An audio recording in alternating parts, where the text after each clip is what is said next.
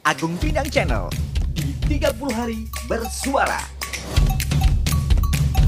Hari ketujuh Memasuki hari yang ketujuh ini Banyak yang bertanya kepada saya Apakah memungkinkan kalau kemudian Agung Pindang Channel ini juga mengupas semacam tip dan trik untuk para kawula muda. Cie, kawula muda. Ketahuan usianya berapa gitu ya. Apa sih yang dibutuhkan oleh teman-teman ini? Ya, contohnya nih Om, gimana kalau sekali-sekali ngebahas tentang yang namanya PDKT. Waduh. Meskipun saya bukan pakarnya, tapi saya mencoba ya. Saya coba saja, moga-moga untuk edisi kali ini bisa pas dan masuk diterima di kalangan uh, generasi muda milenial gitu ya. Bila kamu ini para keponakan-keponakan saya ini ya mau berencana untuk memulai sebuah PDKT atau sedang menjalankan PDKT, maka saya beritahu satu kuncinya yaitu jangan lupa untuk selalu fun. Kenapa? Karena pada saat kita PDKT, soal interaksi adalah sesuatu yang harusnya menimbulkan suasana menyenangkan. Dan itulah fun. Karena kenapa?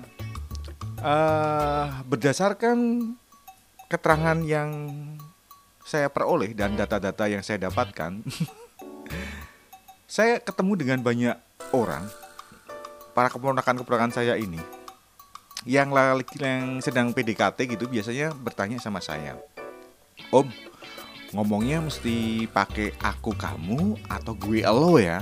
Hmm terus kalau mau PDKT biasanya pakai traktir atau enggak sih? Terus kalimat awalnya kita mesti ngomong apa? Enaknya waktu mau datang kita ngabarin pakai WA dulu atau nitip pesan di DM Instagramnya ya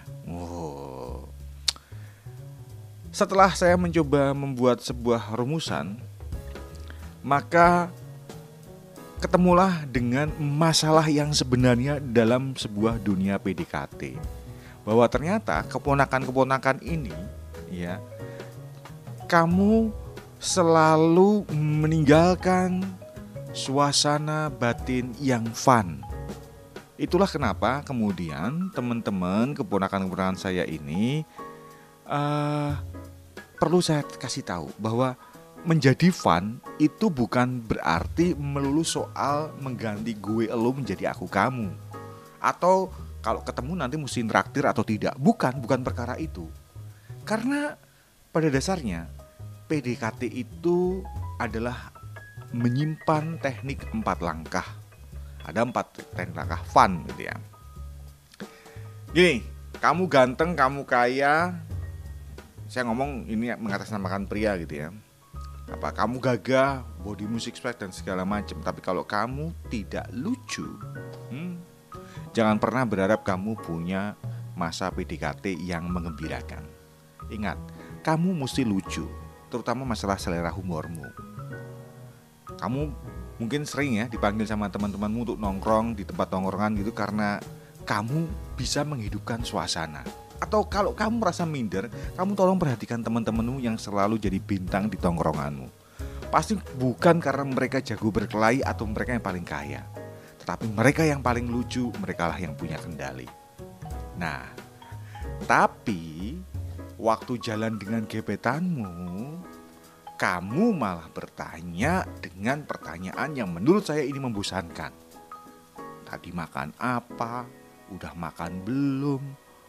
Udah bangun lagi ngapain sama siapa pakai nafas atau enggak? Aduh. Ya pantas lah kalau kemudian dia ngobrol sama kamu. Dan tentunya langsung bilang sama temennya katanya dia lucu. Mana? Waktu jalan ya biasa-biasa aja nggak ada lucu-lucunya sama sekali. Gitu ini yang jadi masalah. Kemudian yang kedua ngobrol lah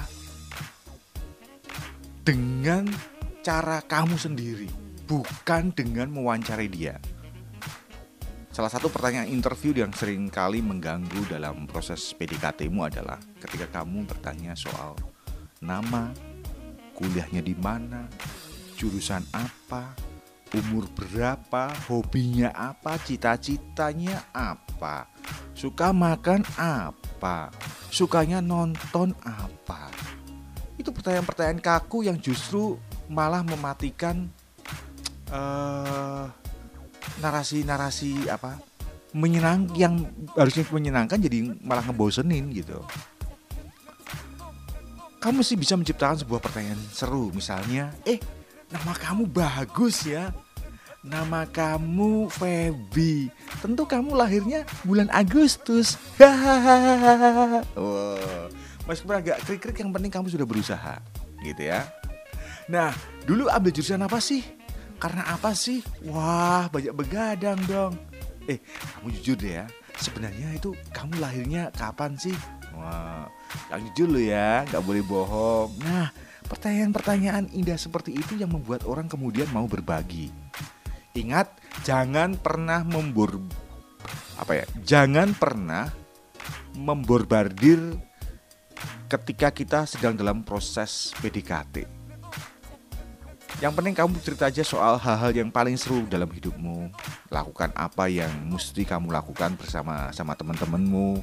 Pokoknya ngobrol ngalor ngidul aja lah tanpa batasan sana sini ya. Yang penting jangan pernah menjadi apa membatasi dirimu sendiri, malah nanti kesannya malah kaku dan ingat elemen fun akan menjadi hilang.